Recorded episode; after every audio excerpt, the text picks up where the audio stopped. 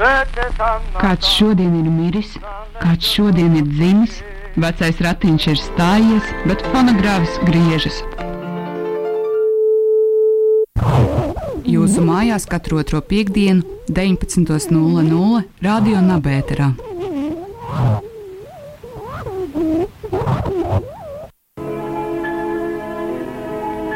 Я не провожу проповеди, я знаю. Просто сейчас вы в таком состоянии, сейчас как магнитофоны. И все, что я говорю, оно где-то записывается и программируется. И вы ответите, ответите четкой реакцией. Uh, labs vakars jūs mājās. Šodien, kā katru otro piekdienu, skan raidījums Fonogrāfs. Jā, un studijā ir Andrēs Balodis un Ainārs Kamoliņš. Jā, kur gan palicis mūsu draugs? Nu, to mēs mēģināsim atrisināt šodien. Uh, Jo uh, kolēģis Andris Kiršs šobrīd nav ieradies. mums ir teorijas. Mums ir teorijas un versijas, uh, kas varētu būt viņam atgadījies. Uh, Cerams, ka kādā brīdī viņš parādīsies vai dos par sevi ziņu. Bet nu, tāda tā, lieta dēļ mēs, protams, raidījumu neatceļam. Un šodien, šodien mēs runāsim par, uh, par uh, Baltvācu izcelsmes, Igauņu, Igaunijā dzimušo filozofu, biosemiotiķi, biologu, zoologu uh, Jākobu von uh, Ikskīlu.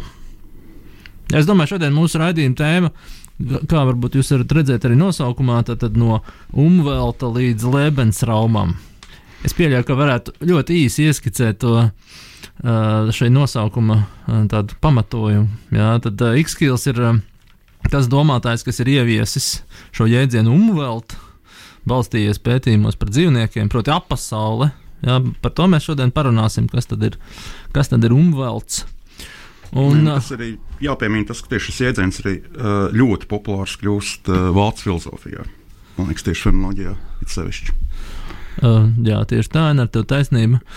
Un, um, nu, mazliet ir arī konsekvence šim jēdzienam arī ideoloģiskā nozīmē, tāpēc mēs esam piesaukuši arī Lebensraumu. Šī iemesla dēļ parādīsies mūsu raidījumā arī morālais kalnietis. Jā, vismaz viņš ir apsolījis, cerams, ka viņam nekas nebūs atgadījies, un viņš varēs arī pavēstīt, veikt savu analīzi. Uh, jūs vēl raidījumā dzirdēsiet arī mm, dažus ierakstus no mūsu ekspedīcijas, jo mēs viesojāmies jā, šajā vietā, kur Ikskils ir dzimis. Proti, tas ir uh, Igaunijā, tad uh, ļoti mazs ciematiņš saucās Mihiklī, apmēram 1,30 km no Pērnavas. Es pat neatceros, kurā virzienā. Mēs šogad bijām, bija ļoti daudz sniega. Mēs apciemojām viņa dzimtās mājas, baznīcu un uh, veicām dažus ierakstus mežos. Um, jā, kas vēl būs šajā raidījumā? Nezinu, Ainār, tev kāds. Uh, Kāda mūzika?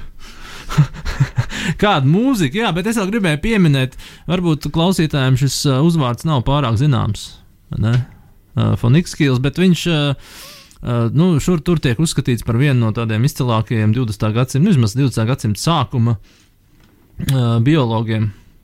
Bieži vien tiek pieminēts pārī ar uh, viņu, varētu teikt, mazliet priekšteci, Kārlu Ernstu von Bēru, kuram arī ir sakars uh, ar uh, Baltijas telpu. Viņš arī ir Igaunijā, bet viņš ir, saprot, bijis arī, arī Latvijas teritorijā. Man šķiet, ka mums kādreiz arī vajadzēs papētīt tās konekcijas ar Latviju. Es saprotu, ka viņš ir Dundagā bijis vai kaut kur citur viesojies.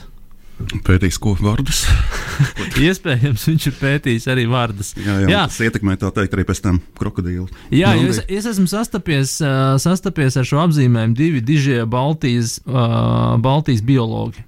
Proti, attiecinot uz uh, Fonikskīlu un uh, Fonbēru. Tā kā uh, nu, tas tā nākotnē mums. Bet tagad, Enēr, kā tu pareizi saki, uh, mūzika, lai gan viens darbiņš pirms tam. Radio monetoloģija 69. paragrāfs. Līdz ar to universā nav nekā neizveidota, neauglīga, miruša, nav nekāda jucekļa, kas nebūtu tikai jucekļa šķitums. Gan arī tāpat kā šķīstu aplūkojot kādu dīķi no attāluma, kurā redzētu tikai dzīvju juceklīgu kustēšanos un ņudzēšanu dīķī, bet neizšķirtu zivis pašas. Viss kustās, kustās apkārt, un viņu pasaule, gan zivīm, gan arī mums, ir pilnīgi nesavienojamas. Jā, raidījums fonogrāfs sāks savu kārtējo raidījumu, kas ir veltīts Jākubam Fonikskīlam. Un uh, pirms mēs sākam, es vēlētos tomēr atgādināt tālruņa numuru studijā, kas šodien ir 67, 22, 99, 8, 6. Ne tikai šodien. Es domāju par uh, numuru. Numurs, man liekas, katru dienu šāds ir. Uh, šodien varbūt mums parādīsies cits numurs, bet to nedaudz vēlāk. Uh, taču. Taču jā, jautājums ir par, par mūsu, mūsu kolēģi. Par Jā. mūsu kolēģi, jā. Uh, Kur viņš ir pazudis? Kāds Jā. ir teorijas? ir dzirdēts par vairākām teorijām. Nu, pirmkārt, jau tas, ka uh, uzmanīgākie klausītāji zina, ka Andris nesen bija Ukrajinā. Uh, slepenā misijā. Un uh, nav zināms, vai šī misija viņam turpinās. Varbūt tagad viņš izmanto šo kara mīklu, lai atkal atgrieztos tur un atrast beidzot kanta kauliņus. Uh, otra versija savukārt uh, ir drīzāk tuvāk uh, mūsu uh, raidījuma tēmai, proti, bioloģija, ja precīzāk sakot, bioloģiskais karš. Uh, Pēdējais, uh, pēdējā jaunuma, teikt, no Krievijas ir uh, satraucoši. Viņi raksta, ka Ukraina audzē uh, sikspārņus ar dažādām slimībām un sūta viņus uz Krieviju, lai viņi tur sli saslimst. Uh, ir aizdomas, kā, kā saka vietējie speciālisti, ka iespējams ka viens no šiem sikspārņiem pazaudēja ceļu un, diemžēl, uzkrāja virsū Andrim.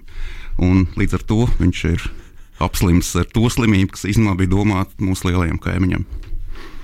Nu, līdz ar to skumsim. Jā, ir tādas ziņas, jā, ka Andris nevar slimības dēļ ierasties. Viņam ir. Jā, nepārbaudīts, bet ir tāds, jā. Katrā ziņā viņš šeit nav. Tas, Un, jā, varbūt ka mēs arī negribētu nemaz, lai viņš ierodās. jā, jā, Tajā vēl- nozīmē. Jā, protams, ka nē, nē, nē. Bet, nu, ja nu gadījumā, ne, nu, tādā nozīmē, ka viņš var būt uh, infekcijos. Bet, ja nu gadījumā viņš mūs dzird, protams, viņš var mums dot ziņu jā, par, uh, par to, kā viņam klājās, jā, kādi ir šie simptomi. Bet, nu, nu turpinām tēmu. Nē, es domāju, jā, sākam, sākam, Sākam sākam runāt tēmu, jā. par uh, Jākopu un Ikskīlu. Es domāju, ka nepieciešams varbūt. Ah, Oh, Zvans studijā. halo, Halo! halo. Halo. Jā, klausos. Uh, kas zvana? Jā, jā, es arī zvanu. Hirša Andris arī zvana. Nu, sveiks, sveiks, Andri. Uh, kā tu jūties? Eh, Jā, es domāju, tā versija par sikspārni. tā, tā, tā varētu būt tā teikt, īstā versija. Jā. Mhm. Eh, Kāds bioloģiskais ierocis šajā gadījumā ir mans skāris, acīm redzot. Jā, Tu saskrējies ar sikspārni vai? Viņš no jā muguras nu, redz, sakoja. nu es, kāds teica, Ainārs? No muguras sakoja tā, ka pats neievēroja. Ne? Jā, jā, jā, acīm redzot, jā, jo nav tā, ka es būtu piefiksējis šos saskarsmes brīdi vai momentu. Bet, nu kā pagaidām, tā kā, kā veselība. Viņveidīgi. Tā, tā laikam būtu atbildes versija. Nu jā, lieto daudz šķidrumu, tas ir mans ieteikums. Uh, mans mediķa ieteikums. Bet uh, es domāju, vai tu esi gatavs šodien piedalīties raidījumā? Nu, Jā, es, es gan domāju, tās, tās tēmas šajā gadījumā droši vien ir ārkārtīgi plašas un, un dažādas. Ja reiz runa ir par ne, X-kilu, tur ir, tur ir 101 virziens, kurā, kurā doties. Um, kas, ir, kas ir tas uh, pirmais, pirmā perspektīva, kur jūs plānojat aplūkot? Pirmā perspektīva ir ļoti tradicionāla. Mēs uh, plānojam iepazīstināt radioklausītājus ar uh, X-kīla personību kā tādu. Jo man šonadēļ, bija uh, intervija nelielā nabarītā, un uh, man bija sajūta, ka uh, pirmo reizi tiek dzirdēts šis vārds. Tā, tāpēc es pieļauju, ka 99% Latvijas iedzīvotāji varbūt nezina, kas ir Fonix Kīls un kāds viņam sakars ar Baltijas uh, reģionu. Es nezinu, Andrija, t- man ir tāds ļoti neliela īsa biogrāfija. Es, es ap citu gribēšu te uzdot vienu jautājumu, varbūt uh, saistībā ar viņa, teiksim, tērbats periodu. Bet, uh, nu, ja mēs skatāmies, protams, uz uh, Fonix Kīla dzīves gaitām, tad viņš dzimst 1864. gadā ja, kā jau mēs minējām, uh, Miklī, uh, kas ir, uh, tur ir uh, Keblas mūža. Viņš dzimst uh, dišciltīgu vācu baronu uh, ģimenē. Viņa paša pat dēvē šķiet par baronu Fonikskīlu uh, šur tur. Un uh, sākotnēji viņš iegūst izglītību uh, Tallinā, Tallinas domskolā, un pēc tam viņš dodas studēt tēr, uz Tērbats Universitāti, sapratu, bioloģijas fakultāti. Un uh, viņš studēja ļoti tādā interesē, mums interesējošajā gaitā no 1884. gada līdz 1889. gadam Tērbats Universitātē. Tas nozīmē, ka šeit satīk gan Vēdenbauma, gan arī Jā, t, vai, Jākabu Hosu un Teikmilleru, un Teikmilleru. vai ne? Mhm. Jā, tas droši vien būtu būt jautājums attiecībā uz manīm. E- e- Es arī piefiksēju, ka šiem visiem domātājiem, vai ne, viņi atkal ir šajā vienā punktā, tērbatā, viņam ir kā tur būtu e, jāsatiekās. Bet katrā ziņā liecības par to gan es neesmu atradis. Es tas- paskatījos jā. x kilo atmiņas un, un arī par tērbats laiku, kad viņš raksta. Teihmillers gan tur netiek, netiek minēts, lai arī Teihmilleram bija visai cieši attiecības ar vēl vienu to domātāju bēru, kas, kas jau tika pašā sākumā pieminēts. Bet uh, X-Kills vismaz arī Teihmillera paša darbos neparādās kā autors, uz kur viņš atsauktos. Bet varbūt ir viena cita versija par visu šo. Uh, proti, varbūt izklausās vienkārši neatcerās, jo nu, uh, tomēr tajos laikos studenti dzēra kāvās vai ne. Un, ja mēs atceramies pareizi, tad. Uh, Vai, teiksim, tā par izskilu tāds vērtējums būtu tāds, ka izskils tomēr pārstāvēja vēlākajos gados tomēr, šo nacismu arī. Uh, un arī tādu, kā viņš bija pret tā saucamo mehān, mehānicismu, proti, tādu redukciju uz uh, kaut kādām tādām vienkāršām, uh, vienkāršiem procesiem. Un uh, savukārt tajā laikā bija Vēdenbaums, kurš savukārt burtiski rakstīja par mehānismu, mehāniku, un bija kreisais. Un līdz ar to man liekas, uh, tas nebūtu tāds nu, pārāk liela fantāzija, tāda vēsturiska. Īsnībā viņi tur iespējams sakāvās kaut kur Igaunijas kapos pie Teikmillera kapa. un tā. Jā, tā, tā, tā, it kā tāda versija būtu iespējama. Lai arī ja tā stingri skatās, tad patiesībā X-Kills tajā sākotnējā periodā, studiju laikā, un īpaši tajā terbats laika studiju laikā, viņš īstenībā pats bija pieslēdzies vairāk darvinismam un marksismam. Tas drīzāk nozīmē, ka viņš kopā ar Veidenbaumu ir devies eh, kauties ar, ar vācu baltiešiem ideālistiem. Ok, bet tad, kāpēc viņš atteicās vēlāk no šī kreisā pagrieziena? Nu, tā varbūt viņi piespieda. Nu, tā Piespieda kā kas? Vācu balti. Pateica, ka Tādā izglīt- ziņā, ka viņi kautiņo zaudēja vai, vai kā tāda. Mēs te kauties kopā ar Vēdenbaumu, kas tāds, nu, tāds mazs vārks, tur kartupeļs nē. Nu, Nāk dab... X- X-Kills nāk vai ne ar saviem tur uh, bioloģiskajiem instrumentiem. ieročiem? Cūkšņu, kur met.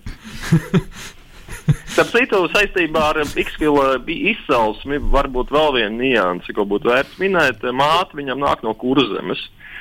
Māte viņam ir kurzemniece, un savā atmiņā viņš arī min vienu epizodi, ka viņš ir braucis uz Tukumu, uz kurzemi pie uh, radiniekiem, tikties ar viņiem. Un šie radinieki pēc izcelsmes esot bijuši ebreji. Bet nu, tā tāda viena garām ejoša. tā. Jā, es arī lasīju, bet man, man šķiet, ka tā viņa māte ir arī pārstāv diezgan tādu ievērojumu dzimtu. Fonhāni vai kā viņi tur saucās. Uh -huh. Jā, nu, tur kurzems. Uh, tā kā X-Kills ir bijis arī Tukumā.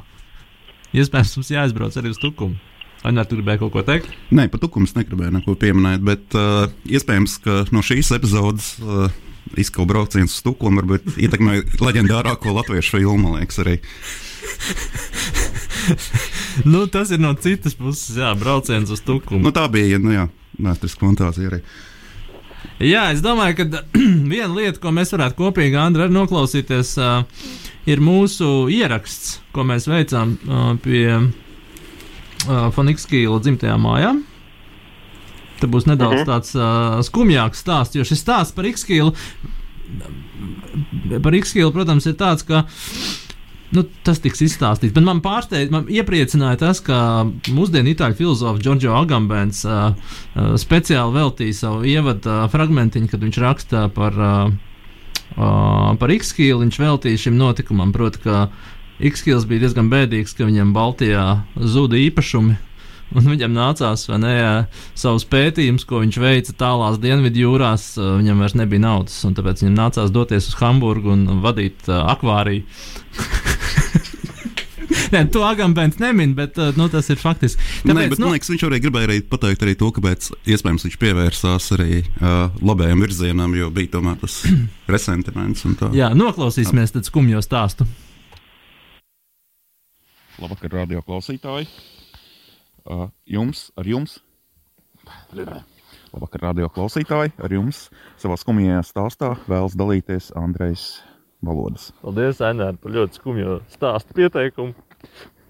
Uh, bet mēs atrodamies šobrīd pie vācu izcelsmes, uh, es gribētu teikt, arī Igaunijas domātāju. Kaut kādā ziņā, jo viņš ir, protams, vācu baltu saknēm, bet Igaunijas zem, zemē viņš ir dzimis un audzis, un bērnību pavadījis, bet mēs atrodamies pie viņa dzimtām, dzimtās mājas drupām. Jā, skats ir diezgan bēdīgs, uh, mazliet priecīgāks nekā kabilē, bet tik un tā, es domāju, šī, šī šī ēka atstāja bēdīgu iespaidu. Uh, bet es gribēju dalīties jums uh, ar šādu stāstu. Ja mēs satikām tepat vietējo vēsturnieku, kurš mums pavēstīja arī par šīs mājas likteni uh, gadsimta griežos.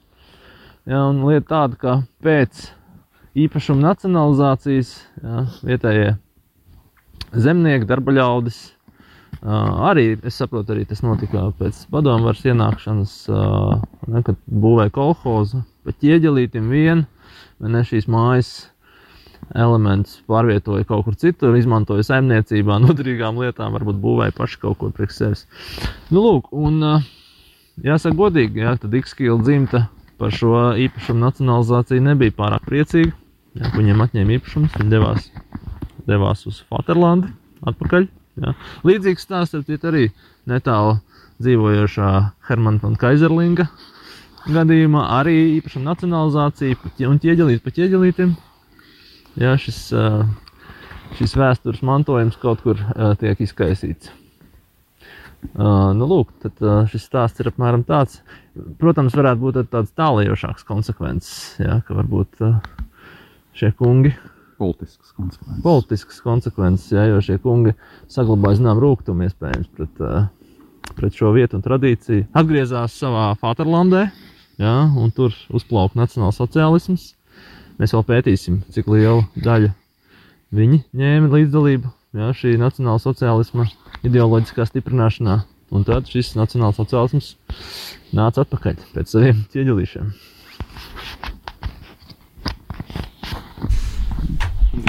Jā, mēs dzirdējām uh, versiju, manu versiju par uh, X-kīla likteni un uh, virziena maiņa. Ainē, es nezinu, vai tas atbildēja uz jautājumu, kāpēc viņam mainījās uz labējo. Uh, tā ir viena versija, protams. Jā, jā Andri, ko tu domā, kā tev šķiet? Jā, jā nu, man liekas, tā ir cienījama versija, teiksim tā. Līdzīgs versijai par, par uh, dueļiem, tērbatā vai ne, ko mēs jau minējām arī dzen. Jā, es domāju, ka šī brīdī pienācis laiks varbūt tādai muzikālai pauzei, jo mums ir jāpārdomā vēl daži jautājumi, bet es gribētu pieteikt arī nu, tās nākamās tēmas, lai arī Andris zina, kā tas ieplānots. Tad, uh, es domāju, ka nākamā daļa mums ir jāvelta tam viņa centrālajam jēdzienam umveltam. Jā, parunāsim mazliet par umveltu, un pēc tam raidījuma noslēgumā ķersimies jā, pie šīs politiskās uh, dimensijas. Tā, tāds varētu būt mūsu plāns. Bet, nu, tā viena no viņa tēzēm ir tāda, ka ka dzīvnieki ir uh, subjektīvas būtnes, kas arī spēj orientēties. Vai visas būtnes subjektīvas? Nē, bet tā, tā ir izkīla tēze. Ne? Nu, jā, būtnes ir subjektīvas, bet uh, tas nav pašsaprotami kaut kādam biologam vai antropologam vai jebkam. Kā būtnes jā, subjektīvas, ka viņām, ka viņām ir savā ne tikai tas nošķīrums starp vidi un uh, umvelt appasauli. Jā, jā, jā. Proti, vide ir kaut kas tāds, nu, tāds superneitrāls, bet umvelt ir tas, kur tu dzīvo un tas, kur jā, tu mājo. Jā, tāpēc, ka pirms tam vienkārši laika bija tas uzstādījums starp uh, ķermeni un uh, apziņu. apziņu jā. Un kā principā izklausās bija pirmais tas, kas viens no pirmajiem īstenībā, kas vienkārši sāk klāstīt, ka, nu, varbūt, ka īstenībā tā vidas un organismu saspēle ir tieši nu, tikpat būtisks kā, piemēram, šī pats saspēles ar apziņu un to, ko tu uztver. ka principā tur nav būtiskas atšķirības, tur nav kvalitātes atšķirības. Tas vienkārši dažādi veidi modi. Kādā diskusijā, ka nu, kā, kas ir apziņas ķermenis, ir komplicēti laikam šobrīd. Ir. Nu, tā nozīmē, ka varbūt īstenībā apziņas no ķermeņa ir nošķirts. Piemēram, pēc mežā. Bet es jums gribu pajautāt, nu, personiski jautājumu, nu, kā jūs jūties? Jūs jūties mežā, kā jūs kā vidē, vai jūs jūties kā pasaulē? Nu, tādā jau uh, apzināti tvertā kādā telpā, kurā jūs dzīvojat un orientējaties. Nē, ja šāds nošķīrums, es teiktu, es esmu. Bet šobrīd, šobrīd es domāju, šobrīd, šobrīd šajos uh, šobrīd esmu meža ielokos. Šobrīd esmu kā vidē. Tāpēc, ka esmu uztaisījis zināmā veidā distanci. Vidē tādā ziņā, kā unvaltā, ja? Nē, vidē kā tādā neitrālā, environmentā tādā. Jā, jā, jā, tāpēc, ka vienkārši man ir apziņa, un, pieņemsim, mēs tagad esam izgājuši ārā no mājām, mēs tagad atrodamies jā, mežā. Citur atrodamies kaut kur jā. citur nekā es, parasti. Jā, un es nedzīvoju mežā, nu, principā es neesmu saudzis ar mežu kopā, kas būtu mans umbelts tādā gadījumā. Jā, tas nu, kā pieņemsim, ierēdnis Mumbelts ir viņa oficiāls. Ja? Nu, kas ir principā ļoti skumji, bet nu, viņš nu, jā. Nu, jā, ja tu ielaidi ierēdni mežā, mežā, tad viņam ir nu, problēmas sākās. Jā, jā. jā. Nu, galvenais, nu, kā, lai mēs arī neesam tā tādi ierēģi, kur pēkšņi ieiet mežā. Un... Tāpēc mēs arī meklējam to X-skilu. Bet iespējams, ka viņam pašam, nu, viņam pašam kā aristokrātiskam cilvēkam, kurš ir dzīvojis mūžās, vai ne? Varbūt viņa, viņam šie Igaunijas meži ir radījuši kaut kādu to, nu, to iespēju. Es domāju, tur... nevis meži, bet tas, ka viņš bija aristokrāts. Viņš kā, viņš kā aristokrāts uzskatīja, ka viņa aristokrātisms ir viņa umbelts, un tāpēc pēc revolūcijas viņš saprot, viņš iz, izvilkts ārā no umbelta. Viņam jātiekš imbelta. nu. À, viņš gribēja atgriezties. Viņš gribēja atgriezties. Un tāpēc, jā, viņš, rakstīja, vidē, jā. viņš, tāpēc viņš rakstīja par šiem meža dzīvniekiem un uh, jā, jā, par to, kā ir... viņi spēja orientēties pēc nevis nu, pēc nu, kaut kādiem karstuprātu vidē. Jā. jā, nevis pēc kaut kādām vīna pudeļu etiķetēm, bet viņi spēja orientēties pēc. Uh, jā, jā, tas tikai kaut kā tur. Uh, Taustāmā lietā. Jā, jā zemcilvēki domā, ka vienkārši karstuprātiem interesē etiķetes pudeles. Nē, viņiem interesē viņa apsaule. Karstuprāti. Jā, jūs dzirdējāt ierakstu no Igaunijas mežiem, kur mēs mēģinājām pieredzēt pasauli. Cik veiksmīgi vai neveiksmīgi mums gāja, kā jūs uh, esat liecinieki tam. Bet droši vien ir mazliet jāieskicē uh, umvelta jēdziens, jeb apasaules jēdziens. Ainārs jūt, ka tev ir uh, kaut kas atvērts. Ja, uh, ja tu esi gatavs, droši. Nē, tas, ko es gribēju teikt, tas, ka arī latviešu ir šis tas, kurā ir pieminēts uh, izskils. Uh, Viena no tādām grāmatiņām ir uh, Ernsts Kasīrers, kurš bija ļoti arī ietekmējies no izskīla, apcerējums par cilvēku. Jo uh, viena no problēmām, kas parādās izskīlām, ja, proti, ka visiem dzīvniekiem, visiem organismiem ir šī apasaule. Uh, tad ir jautājums arī par šo cilvēku apsauli, kādā veidā tā tiek organizēta, vai tā ir kaut kādā veidā citādāka no dzīvnieku apsaules. Un es tikai nosēžu tādu pavisam īsu, kas ir ar izskīlu raksturojumu. Viņa prāta, proti, izskīlam. Iedomāties, ka visām dzīvēm būtnēm eksistē viena tā pati absolūta realitāte, būtu ļoti naivs dogmatisms. Realitāte nesot viena un viendabīga. Tā esot ārkārtīgi dažāda. Tai piemītot tik daudz atšķirīgu schēmu un sakārtu, cik ir atšķirīgu organismu. Katrs organisms esot, tā sakot, monāda. Tam esot savu pasauli, jo tam esot pašam savu pieredzi parādības, ko sastopas atsevišķu bioloģisku sugu dzīvē, nesot attiecināms uz visām sugām. Divu atšķirīgu organismu pieredzi un arī attiecīgās realitātes nesot savā starpā samērojams. Muš, mušas pasaulē, saka īskīls, sastopams tikai mušu lietas, jūras eža pasaulē tikai jūras ežu lietas. Jā, paldies, Enār, par citu. Andris, jūs gribat kaut ko piebilst? Bet pa, pa, pavisam garām iet, mazliet um, pakāpjoties vienu soli, iespējams, at, atpakaļ nevēl, kas ir tika pieminēts. Uh, tas, tas viens aspekts, ka kā skatīties nu, uz tādu intelektuālo biogrāfiju attiecībā uz Vikskilu, ir tas, ka viņš kaut kādā brīdī aizraujās ar Kanta darbiem un ar, ar Kanta skatījumu par šīm a priorajām formām, kas piemīt uh, cilvēkam. Caur to viņš nonāk ar, pie domas, ka līdzīgā veidā kaut ko līdzīgu vajadzētu attiecināt arī uz dzīvniekiem, ka viņam arī veidojās šī ne, noslēgtā, noslēgtā vide, Jā, kurā bet, viņiem atrodas. Es ātri piebildīšu divas lietas saistībā ar šo. Jā. Nu, viena lieta, es ceru, ka mēs varbūt nedaudz vēlāk pieskarsimies, ir tas biogrāfisks fakts, ka viņš, jau- viņš kantu jau apgūst kopā ar dzinieku Rilki, starp citu. Un uh, Rilkam arī pēc tam parādās viss šīs dzējas par uh, bioloģiju, ko pēc tam izmanto savukārt uh, Heidgers, ka viņš analizē Rilki un caur to arī izskīlu. Tas ir viens. Uh, savukārt, otra lieta jau arī ir saistībā ar uh, pašu kasīreri, jo pieņemsim, kasīreri uzskata, ka nē, ka tomēr pastāv fundamentāla atšķirība starp uh, uh, organismiem un cilvēku. Tajā nozīmē, ka viņš saka, ka kasīreris maz, ja, ka cilvēks dzīvo simboliskajā realitātē, tas tas, kas viņu sakārto, to apkārtējo, kas savukārt nav šiem dzīvniekiem šādas simboliskās realitātes. Līdz ar to tad mēs varam teikt, ka cilvēki pat dzīvo nedaudz citā dimensijā nekā paši, nevis citi dzīvnieki vai augi. Tā ir kasīre, tā kā tāds ieguldījums vai nezinu, tāds papildinājums izskīlam. Nē, nu šī nu, tēze. gal galā, jā. X-Filam jau beigās ir kaut kur, nu, īpaši tajā arī tajos vēlīnēs darbos par politiku. Viņam ir principā katram, katram cilvēkam, ne, arī ir savs, savs kaut kāds individuālais kaut kādā līmenī tas umvalds, un tas, kā viņam mēdz vēlāk pārmest, vēl arī tika minēts nu, šis, šis monāžu apzīmējums, ka tas, kas kaut kādā ziņā paliek atvērts, jautājums, kādā veidā ir iespējams šī subjekta miedarbība savstarpējā. Jā, bet tur ir. Jā, bet visu laiku tāpēc arī izskatās, saka, jā, ka tie kriteriji tomēr ir bioloģiski tādā gadījumā. Protams, tas, ka mums ir līdzīgi uztveres mehānismi, protams, šis perceptuālais lauks viņam ir ļoti būtisks dažādiem šiem dzīvniekiem. Un uh, sugas tā kā dala šo perceptuālo lauku. Līdzīgi arī cilvēki dala perceptuālo lauku savā starpā, piemēram. Lai arī par to umveltu viņam arī ir vēl viena cita lieta, kas arī man liekas ļoti interesanta, tas jau vairāk attieksies uz politisko dimensiju. Ir tas, ka uh, viņš ir tāds nedaudz antidarvinists, bet ne tikai tajā nozīmē, ka viss tiek reducēts kaut kādiem tādiem vienkāršiem mehānismiem un stimuliem, bet uh, arī tajā nozīmē, ka darvinisms kaut kādā veidā pieļauj kaut kādu šo progresu vai kaut ko tamlīdzīgu. Un, uh, piemēram, ir uh, izskila darbā jēgas nozīme, tāds mazs maz izteikums par vēsturi, proti, kurā uh, viņš tā kā pajautā, vai vēsturē arī ir kaut kāda veida progress. Viņš saka, ka nav, ka faktiski katrs šis laikmets, balstās uz rankas, starp citu, vācu vēsturnieku. Kā katrs laikmets ir savs umvelts. Faktiski viņš tādā ļoti, ļoti tuvu ir tā saucamajiem konstruktīvistiem. Proti, ka mēs nevaram teikt, ka mēs esam pārgājuši no zemāku uz augstāku attīstības pakāpi, cik mēs esam vienkārši mainījuši umveltu šajā, uh, nezinu, cilvēces vēsturē.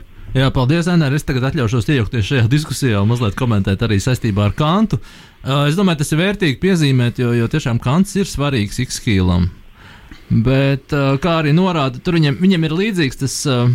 Līdzīgi kā Kantam ir tas kopernikāniskais pavērsiens, proti, nav mēs to noumenu, jeb lietu par sevi nevaram izzināt. Līdzīgi arī bioloģiskais organisms, viņš faktiski nekad neatrodas uh, tādā vidē pašā par sevi. Ja, viņ, viņam vienmēr vide ir veidot kā, kā umvelts, bet atšķirība droši vien ir tāda, ka tur ir nu, šī, šī sensorā uztvere, kas organizē.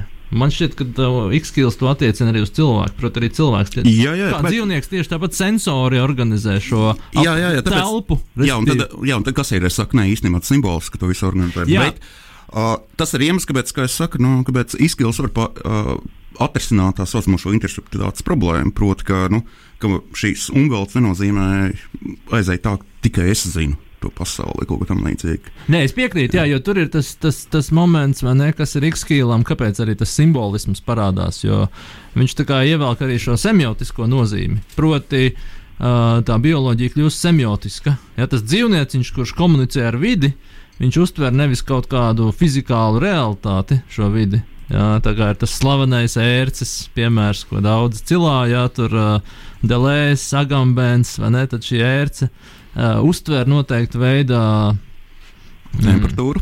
temperatūru, jā, arī kaut kādu to, to skābi, kas tur izdalās, un tad viņa ne, dodas tajā virzienā, kurā viņai ir jādodas. Un, ja viņi tur uzkrīt kaut kur ne tur, tad viņi gaida. Jā, Tad, ga- līdz nav tas kairinājums, tad tā ērcei faktiski nav tas umvelts. Jā, arī. restīvi viņi- restīvi tā doma, ka viņi interpretē šo vidi. Interpretē vidi caur kaut kādām zīmēm. Tad, parādās arī tas simboliskais uh, iespēju uz simbolisko pavērsienu. Mhm.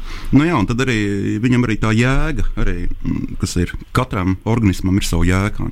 caur ko viņš ar to pasauli. Un, uh, uh, tāpēc arī viņš, kā jau es vairākas reizes pieminēju, ir pret uh, jebkuru veidu redukcionismu un izmanto mūzikas metafors tieši tāpēc. Proti, ka, uh, kad mēs klausāmies mūziku, mēs nevaram viņu reducēt vienkārši kaut kādu šo nezinu, materiālo izpausmu vai gaisa, vai gaisa vibrāciju un kaut ko tamlīdzīgu. Proti, ka jēga jau ir visā tajā, kurā es to klausos. Tamlīdz. Caur to parādās tā jēga. Tā var būt izglītība, tas var būt konteksts un tā tālāk. Stimuls, tā teikt. Jā, Andra, varbūt tev ir kaut kas vēl piebilstams. Nē, nē, nav. Dotie brīdī nav. Jā, tu gaidi to politikas daļu. Nē, mēs par politiku Nē, nē. runāsim. Jā. Jā, bet jāsaka, godīgi, tad uh, X-Skills tiešām ir darbojies ar ļoti daudz dažādiem dzīvniekiem. Mēs Igaunijā tā kā, meklējām lāčus un vilkus un tādas meža dzīvnieciņas, ērces vai ne? Nu, ir Pārte- zemā grūti atrast, bet Jā, uh, pārsteidzošā kārtā, ne labi, X-Skills nezināja, ka viņš, viņš uzstīja, ka ērces ir tad nekaitīgas, bet nu nav jau tā gluži, vai ne? nu, varbūt viņas vēl nebija tik slims kā tagad. Jā, bet viņš pētīja arī jūras dzīvniekus, jau pieminētos jūras ežus, slavenos. Uh, mm, jā, jāatzīst, ka jūras ežiem bija nu, ļoti milzīga nozīme uh, 19. gadsimta bioloģijā. Jā, 19. gadsimta bioloģijā. Jā, bet uh, Hans Drīšs, tāds slavens vitālists. Jā, daži ir uzskata, ka X-Skills ir vitālists. Kas kā- ir viens no tiem, starp citu? Uh, nu jā, bet uh, jāņem vērā, ka mūsu tāds dalījums, ne, kā mēs skatāmies tagad uz Darvinu, vai nu par Darvinu, vai pret Darvinu. Tie, kas ir pret Darvinu, tie ir vitālisti. Bet 20. gadsimta sākumā nu, Darvina teorija ir viena no teorijām, kas nav tāda paradigmātiska teorija, un līdz ar to tur ir dažādas, nu, dažādi uzskati biologiem, frančiem, vāciešiem uh, un britiem. Uh, bet, nu jā, tad uh, X-Kills veids tādu zināmu revolūciju jūras sežu pētniecībā. Jā, jo drīzam bija tāda, viņš ir 19. gadsimta vācu arī biologs, un uh, viņš tā kā visu caur, caur leibniciānismu kaut kādā mērā interpretēja, piešķīra kaut kādas entelehijas šiem jūras sežiem, kā viņi tur attīstās. Bet- mērķtiecība noteikti. Jā. Jā, bet uh, X-Kills interpretēja to caur, caur šo semiotisko, uh, biosemiotisko līmeni. Bet viena lieta, mums ir vēl viens ieraksts, starp citu, kur mēs jau mēs veicām lēcienu. Mēs veicām lēcienu no Umvelta uz Inerveltu. Par šo gan man liekas, nav nekas tik daudz arī rakstīts tādā nu, komentējošā literatūrā, jo viss vienmēr raksta par apasauli, X-Kīlam, bet viņam ir darbs arī, kas saucās uh, dzīvnieku apasaule un iekšpasaule. Un šeit mūsu refleksijas par iekšpasauli. Labvakar, darbie radioklausītāji! Mēs esam Umveltā, proti, X-Kīla mežos, un mēs mēģinām izbaudīt dažādas garšas. Viena no garšām, kas mums šobrīd ir, ir riekstu garša, bet vispār ir ziema. Un tas pie grauds. Jā, mēs esam pie grāvas. Man tieši par šo radās tā doma, ne, ka mēs jūtamies mazliet nekomfortabli. Ja mums vajadzētu šo grāvu šķērsot, ja gadījumā nāktu lācis, tad mums būtu diezgan grūti. Bet viņam nebūtu grūti. Restīvi, tas um, mūsu. Mūsu, kā, tā- tā- mūsu tā- umvelts nesak, nu, nesakrīt ar to, kur mēs esam Jā, šobrīd. ziniet, tā, tā kā pārējai no tā uvelta uz, Tur ir sanārt. uz, uz, uz innerveltu. Mēs varam zi- zināms, tā kā bailes vai bīstamība tā kā pārkāpt no uvelta uz innerveltu. Bet, eh, tas, ir- tas ir labs punkts, Andri, ko tu pateici. Jo Jā. cilvēkiem bieži vien mežā ir tā sajūta, ka viņi atrod, atrod sevi. Es tie viņi iet mežā no pilsētas, un viņi, Jā. viņi tā kā sāk uh, reflektēt un No domāt. pazīstamās, kaut kā mazāk pazīstamās, jālāk ir pazīstamāk. Jā, ir tas jau ne komplicētas pārliecības. Mm -hmm. Jo X-Kīlam arī ir šī grāmata par, par to, ka dzīvniekiem nav tikai umvelts, bet viņiem arī ir innervelts. Restīvi, viņiem ir arī iekšpasaule. Ainēr, varbūt tu Nu, kāpēc tas ir gājis? Nē, nu, tu vienkārši neesi šajā ierakstā neko teicis. Varbūt tev ir kaut kādas domas par iekšpasauli. Vai tev ir Jā, kaut kāda iekš... es, esot mežā, mēģinot kā pārlikt no tā kā uvelta uz innerveltu. Nē, tā ir tā, man liekas, tā ir konceptuāla problēma, kurā punktā tas ir umveltā, kurā tas ir inervētā. Jo, principā, tev liekas, ka tas ir kā saplūca vidi. Jautājums, vai tā ir tava iekšējā pasaule, kā monādē, Mhm. vai arī tu, principā, esi jau tajā kā ķermenis. Es domāju, ka meža Tas, labi vidi. arī ir jautājums. Vai ne? izkopē. Bet, bet meža tiešām labi bija tā ziņā, ka tu visu laiku, visu laiku tas ir, tas kā umvaltā, visu, laiku ir tāda saspēle, nu, kad ir tā bīstamība, viņš pārkāpt pāri tam, tā kā ikdienišķiem umvaltam. Mm. Like tā opcija kā pārlikt, pārlikt uz to. Man liekas, tāpēc intervālu. arī filmologiem Kāpēc tas šis kāpēc tas ir jautājums. bīstami? Es tagad uh, uzreiz neuztvēru. Varbūt tas ir skaisti. Nē, tas ir, jā, nē, nē, kāpēc tas ir bīstami? Nu, tu esi ienācis inerveltā. Kas tur ir bīstams? Jā, un tāpēc, ka ir iespēja, ka tu kā pāris no umvelta, kas ir mazliet tāds sadzīviskais umvelts, vai ne? Bet man liekas, tas ir inerveltāks un mazliet, iespējams, mazliet dzīvniecis. Jā, jā, tu- bet sateic- tur gaidi pārsteigumu kaut kādu, ko tu te esi gaidījis, vai ne? jā, jā, jā. jā, jā. jā, jā es saprotu. Jā, bet tagad- sateic ne tikai uz mežiem, bet arī uz tuknešiem, jo nevelti ir izteikums iekšējā Mongolijā. Es Kurā sa- nokļūst. Tas attiecās arī uz uh, visiem mūsu klausītājiem, kur atrodas šobrīd dzīvokļos. Ai, nē, tur es. Tā kā mēģina no, no dzīvokļa tikt uz iekšējo Mongoliju. Jā, Kas ir mazliet iespējams, ka vir- virtuvē arī tā kā, no, ne, sēžot nokļūt iekšējā Mongolijā. jā. Man liekas, tas ir tas galvenais subjektivitātes noslēpums vispār. Kad tu esi kaut kur, tu saproti, ka tu esi kaut kur, un pēc tam tu tas tur patās, bet iekšā. Bet iekšā. Jā, vai ne? Tā Kā tu esi telpiski turpat, bet tādā apziņas līmenī pilnīgi citā vietā. Kad vērtības zūd un viss brūk, Nāk morālais kalnietis.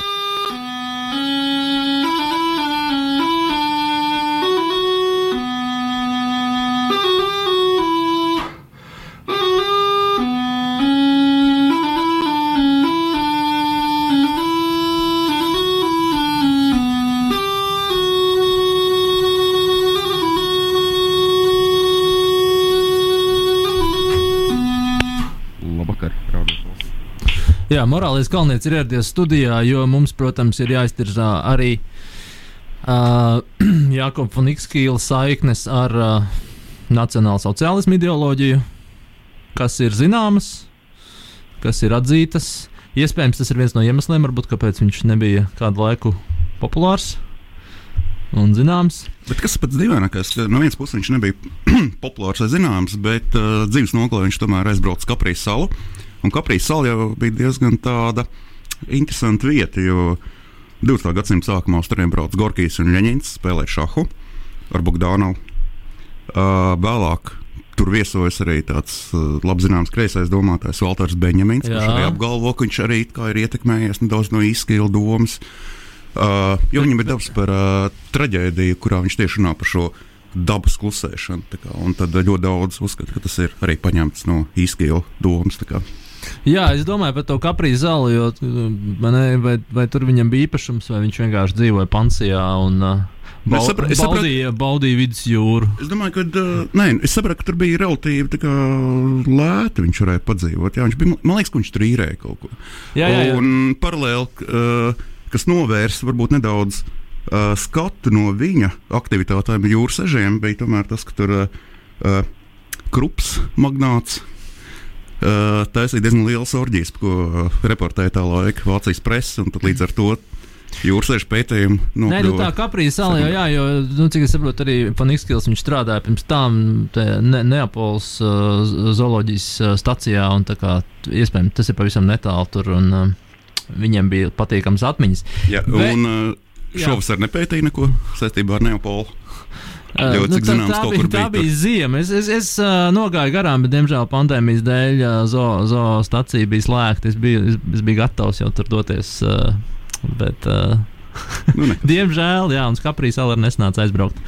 Bet uh, atgriežoties pie mūsu Lebensrauma, jā, daži uzskata, ka tas umvelta jēdziens ir kaut kādā veidā transformējies pa Lebensraumu.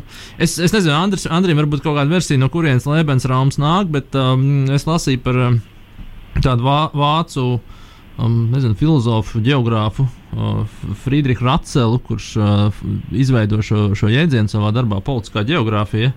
Un, proti, tas ir uh, jautājums par to, ka cilvēki, tautas ir piesaistīti savai tai vitālajai telpai, savam, uh, savam umveltam. Jā, Ainar. Uh, varbūt neizmantojot šādus terminus, tomēr uh, mēs kādreiz kaut kad pasenāk taisījām nelielu raidījumu par Herderu, un Herders savukārt izmanto bioloģiskās metafāras, proti par to, ka tauts ir līdzīga šiem augiem.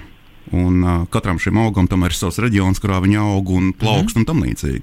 Un tad būtiski arī tad šī uh, transplantācija, kas bieži vien bija, protams, nu, efemisms vārdu tirzniecībai, to arī būtiski nozīmē, ka cilvēks pārstāv citā vietā.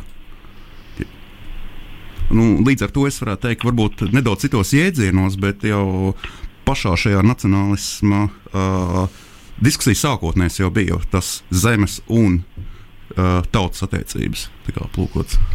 Jā, tā, tas tā varētu būt. Uh, Andri, ko tu vari pateikt par uh, X-kīlu politisko jā, šo dimensiju viņa uzskatās. Jā, tas, tas, tas jautājums par to, par to Lebensraumu, tur es, tur es īstenībā es neesmu apskaties, grūti pateikt, bet arī, pat, arī tas um, jēdziens un umvelta patiesībā jau arī nav X-kilu izdomājums, vai ne? Tas jēdziens tiek lietots arī pirms viņa, tikai viņš viņu ievieš un attiecina, attiecina uz, uz bioloģiju. Bet, um, Attiecībā uz politikas filozofiju, ne šeit varbūt garām ejot, varētu pieminēt vienu darbu, kas saucās Tāds bioloģija, kuru, kuru X-Kills publicēja pirmo reizi 1920. gadā. Un pēc tam pārizdot 1933. gadā, kas, protams, ir zīmīgs gads, ne? Jo tas ir tieši laiks, kad Vācijā pie varas nāk nacionāls sociālisms. Nu, šajā darbā Uh, un arī tādā ziņā viņš varbūt tematiski nav, nav ordināls. Tajā laikā, tajā 20. gados, tika izdot vairāk līdzīgi darbi. Valsts tātad tiek aplūkota kā, kā dzīves organisms. Valsts kā dzīves organisms, kuram ir savas saknes, stumbrs un, un, un zari. Vai viņš izmanto tieši koku metafāru. Ja? Viņš vairāk kārt izmanto. Jā, ja viduslaikos tradicionāli bija tā ķermeņa metafora, burtiski karalis galva, jā, ja, armija ir rokas, zemnieki ir kājas un kas tur ir. Nu, lūk, jā, un, un šajā valstī, kā, kā uh, organismā, tad vai ne, loģiski, vai ne, ir pilsoņi, kas no vienas puses ir kā šie darbīgie dalībnieki, no otras puses viņi ir tie, kas bauda dažādas labumus, ko šī valsts viņiem nodrošina. Līdz ar to viņiem vienmēr būtu jābūt pateicīgiem. Un tur viņš arī īsi apraksta, bet piemīt, ka nu, šie pilsoņi viņiem, viņiem, viņiem ir dažādi šie umvelti. Uh, zemniekiem ir savs, kurš ir diezgan bagāts, saistīts ar to, kā viņi rūpējās par zemi un kā viņi pēta laika apstākļus. Tad, piemēram, ir inženieru un velts un tā tālāk. Bet kaut kā viņi visi spēja kā nu, tāds viena organisma uh, ražotāji, organismi savstarpēji uh, miedarboties. Jā, un tas man liekas, ir saistīts Jā. ar to pašu mūzikas metaforu, ko viņš saka, ka, nu, ka tur indivīds ir kā, nezinu, tur nots. Tad, uh, ar kopienu varbūt melodija, un tad principā valsts ir simfonija. Kaut kas tāds. Ne? Mm. Jā, bet uh, es nezinu, vai attiecībā uz, uz mūziku viņš arī to min, bet uh, šajā darbā tas parādās, ka organisms var arī, var arī saslimt. Ne, varbūt dažādas slimības. Nezinu, mūzikas gadījumā varbūt kaut kāda disharmonija pēkšņi var iestāties arī. Mm, parādās 12 toņu sistēma un viss. un, un, un, un kas tad ir tās slimības attiecībā uz valsti, kā uz organismu, tas, ko viņš šajā darbā min. Nu, piemēram, varbūt gadījumi, kad kaut kāda organisma daļa atsakās pildīt tās funkcijas, kas viņai būtu jāpilda. Uh, strādnieku šķirmiņš piemiņš, starp citu, īpaši izceļ. Es domāju, tas ir saistīts ar uh, marksismu. Ar streikiem, man liekas, jā, jā, jā, jā. Tad viņš min, ka var piemesties politiskais aklums. Un tad, ir, un tad ir tās sadaļas, uz kurām norāda tie pētnieki, kas tomēr saista uh, X-kilu ar, ar zināmām tādām nacionāla sociālisma noskaņām. Viņš saka, ka organismā var iemesties arī parazīti. Organismā var būt arī parazīti, varbūt iekšējie un ārējie. Nu, tie iekšējie tad ir tie valsts pilsoņi, kuri dzīvo egoistiski, uh, nevis domā par valsts kopējām. Bet viņš nešaujas, bet viņš nešaujas savu kājā šādi, jo, nu, principā, nu, mm. varētu teikt, tie ir aristokrāti. Ne? Uh, nu, jautājums, vai aristokrāti šajā interpretācijā, vai viņi domā par savām egoistiskām lietām? Arī aristokrāti ir vienkārši ziedi, kas parādās? Nu, tā. vai ne? Var arī tā droši vien interpretēt. Un viņš, viņš min divas pazīmes patiesībā, kas ļauj atpazīt vai identificēt šos iekšējos parazītus. Pirmkārt, viņi tiecas iedragāt nacionālo pašapziņu. Tas ir tas, kas viņiem esot raksturīgi saskaņā ar X-kilu. Un vēl viņi ir tie, kas vienmēr norāda uz valsts, valdības vājajām vietām, kļūmēm. Tas ir tas, kas viņiem ir raksturīgi. Nu, Protams, šīs sadaļas tieši tur, kur viņš par to runā, tad eh, tā, tu, tur tā kā tiek norādīts, ka tur tomēr ieskana zināms nacionāls sociālismu notis. Un arī, kad viņš viņu pārizdot tajā 33. gadā, tad viņš arī min, ka cerams, ka nacionāls sociālisms un Hitlers varēs no šīm slimībām Vāciju kā organismu atbrīvot. Tā kā zināmas simpātijas attiecībā uz to viņam noteikti piemīt, nu, piemīt vismaz attiecībā nu, uz to 33. gadu. Pārsvarā tiek uzskatīts, ka vēlāk viņam tā nostāja tomēr mainās. Jā, nu, līdz ar to morālais galvenais, protams, uh, ir ļoti nosodošs attiecībā uz šo. Jo es saprotu, viņš kopā arī ar Heideggeru parakst kaut kādu ziņojumu tieši Mhm, saistībā jā. par, par Hitleru. Jā, tur vēl ir Rozenbergs Jā. un vēl daži cilvēki zināmi. Jā, uh, nu, viņš nevar pilnībā šobrīd tikt uh, norobežots no nacionālās sociālas ideoloģijas. Var teikt, ka kaut kādā ziņā X-kila mācība tur veido kaut kādu pamatu. Bet morālais kalnietis, protams, nosodot naci nacionālo sociālismu un citus uh, fašisma veidus, īpaši šodien, uh, tomēr nosoda arī vēl vienu faktu, par ko mēs tūlīt dzirdēsim ierakstā. Jo mēs bijām, jo mēs bijām pie X-kila mājām, un līdzīgi kā kabilē, tur rūpes nav ievērotas. Mēs nosodām. Morālais kalnietis nosoda. Labvakar, radio klausītāji! Tagad ir pienācis laiks Andra skumjajam stāstam. Nu, nē, šoreiz būs skumjā intervijā. Andrej, es gribētu mazliet nointervēt tevi kā um, cilvēku, kurš varbūt ir daudz domājis par šiem jautājumiem. Jā, mēs stāvam pie drupām. Jā, un uh, es gribētu tev lūgt novērtēt uh, šo tādu tehnisko stāvokli un teiksim, cik lielā mērā ir iespējams šo intelektuālo uh, kultūru, vēsturi, kultūru atmiņu kaut kādā veidā šeit ieraudzīt, saglabāt, atjaunot varbūt. Nu, manuprāt, nu, tīri izskatās mazliet cerīgāks skats nekā kabilē. Vismaz šobrīd, jā, jo šeit ir sienas saglabātas. Ir- un- ir- Un logus ir mēs pagrabs. redzam, jā. Ir pagrabs arī. Jā. Ir arī pagrabs. Vīna pagrabs. Tā ir arī viena pagrabs. Nē, bet kas ir interesanti šeit, vai ne? Mēs varam ieraudzīt, ka ir bijuši arī kaut kādi centieni saglabāt, vai ne? Kas, kas teiksim, nav, nav kabils gadījums, vai ne? Šeit ir kaut kāda plēve novilkta. Es, es atļaušos piebilst, ka centieni graut redzam, jā. Bet... Nē, bet šeit ir centieni arī piesaistīt turistus. Mēs redzam, kolas automātu blokus. Ja? Tas ir tā, lai Bosrā varētu atspirdzināties Pie drupām. pie drupām. Tā kā nē, nu labi, nav, nav, nav jumta skaidrs, vai ne? Un diez vai tas plāns arī, veids arī varētu būt kādreiz viņu atjaunot sākotnējā stāvoklī. Es domāju, tas plāns varētu mēģināt viņu konservēt esošajā, vai ne? Tādas romantiskās, romantiskās drupas, romantisko drupu motīvus. Man liekas, šeit varētu ļoti veiksmīgi izspēlēt.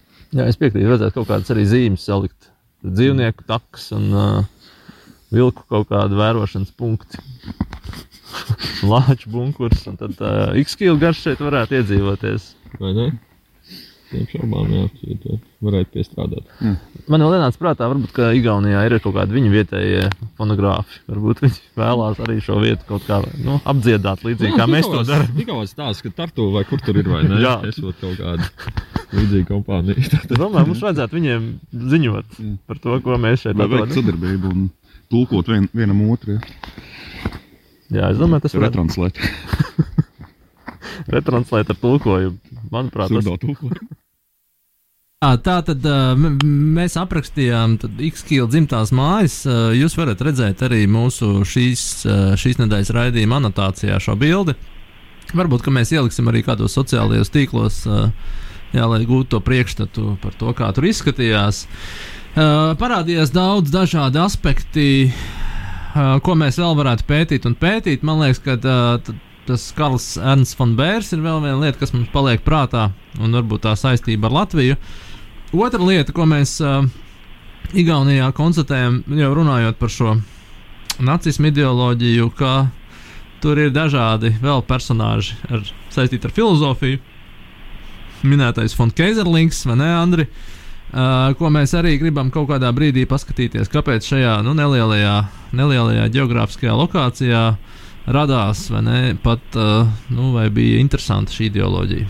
Jā, es domāju, man liekas, ka kur ierakstā jau parādījās, mēs daļai tur ieskanās atbildi. Tā ir tā kaut kāda, nu, vācu kaut kāda sāpe, kas uh, samilst un beigās kaut kur daļai pāraug un pārklājās arī ar iespējams to nacionālo sociālismu ideoloģiju. Es domāju, tas varētu būt virziens, kurā varētu skatīties. Jā. Jā, jo nu, parasti vienmēr ir nekur tad dzimst nacisms, kas ir nacisma sākotne, bet neviens pat neiedomājas, ka tas kaut kur uh, Dienvidu-Igaunijā varbūt Nu, notiek. principā Livonijā. Jā, principā Livonijā. Jā. Un uh, raidījumu mēs vēlētos noslēgt ar uh, uh, X-kīlam uh, raksturīgu biosemiotisku analīzi par uh, to, kas ir redzams tur Miklī pilsētā Keblas mūžā. Labi, vakar, darbie radio klausītāji. Nu, šis ir iespējams pēdējais ieraksts no Miklī uh, X-kīla mūžas drupām. Uh, vai jūs redzat kādas semiotiskas zīmes? Me- Es redzu, un man ir tāpēc jautājums Ainaram, kā mūsu eks- Trubu. Nē, es nedomāju par trubu. es domāju par to sēnīti. Ah, sēnīt. Nu, vai to var tā skaļi teikt. Kas sēnīt? Sēnīt. Izstāst pēc, Sēne. izstāst pēc baravikas. Izstāst pēc baravikas. Nu, Pieņemsim, tā ir baravika. Jā. Jautājumi, viņi ir iemūrēti tā kā uh, loga ailē, durvju ailē. Nevar saprast, kas tur ir. Jā. Vai, vai, kā- kāda ir tā nozīme? Tie ir tādi funkcionāli vai tur ir kaut kāds arī simboliskais? Tas Pēcījums. tur ir simboliskais saistījums, tikai es vēl nezinu kāds. Andra, bet ir versija par sēnēm. Nezinu, jā, tur būt kaut kādas vairākas versijas. Man liekas, no, no kaut kas nezinu. Tur ir sēnes viņas tomēr, vai ne? Viņas ne šis, tā kā ne tas. kurs, un tad viņi tur kā Jā. vairojās, izplatās. Varbūt tas ir kaut kāda zīme, ka šeit no, ši, no, ša, no šīs vietas nāk kaut kas, kas izplatās. Un, Nu, šī dzimta izplatās. vairojās. Nē, nu, var jau arī teikt, ka nu, zin, kā, sēnes ir meža sanitāra kaut kādā nozīmē. Ja? un tad Tas ir- protams, ļoti Attiecīgi, izkalt dzimta arī ir sanitāra vienā nozīmē. Ja? Ideoloģisko Ideoloģiskais, ideoloģiskais sanitāra. Pirmkārt, izplatās, otrkārt, sanitāri. Jā. Jā, un pat ja mēs nogriežam šo sēnīti, vai ne, tā sēnīte kaut kur citur vēl var Jā. turpināties. Jā, jā, jā. Jā, es domāju, mēs esam diezgan labi atšifrējuši to vēstījumu pasaulē, kas nāk no šīs mājas. Jā, paldies. Tas bija raidījums fonogrāfs.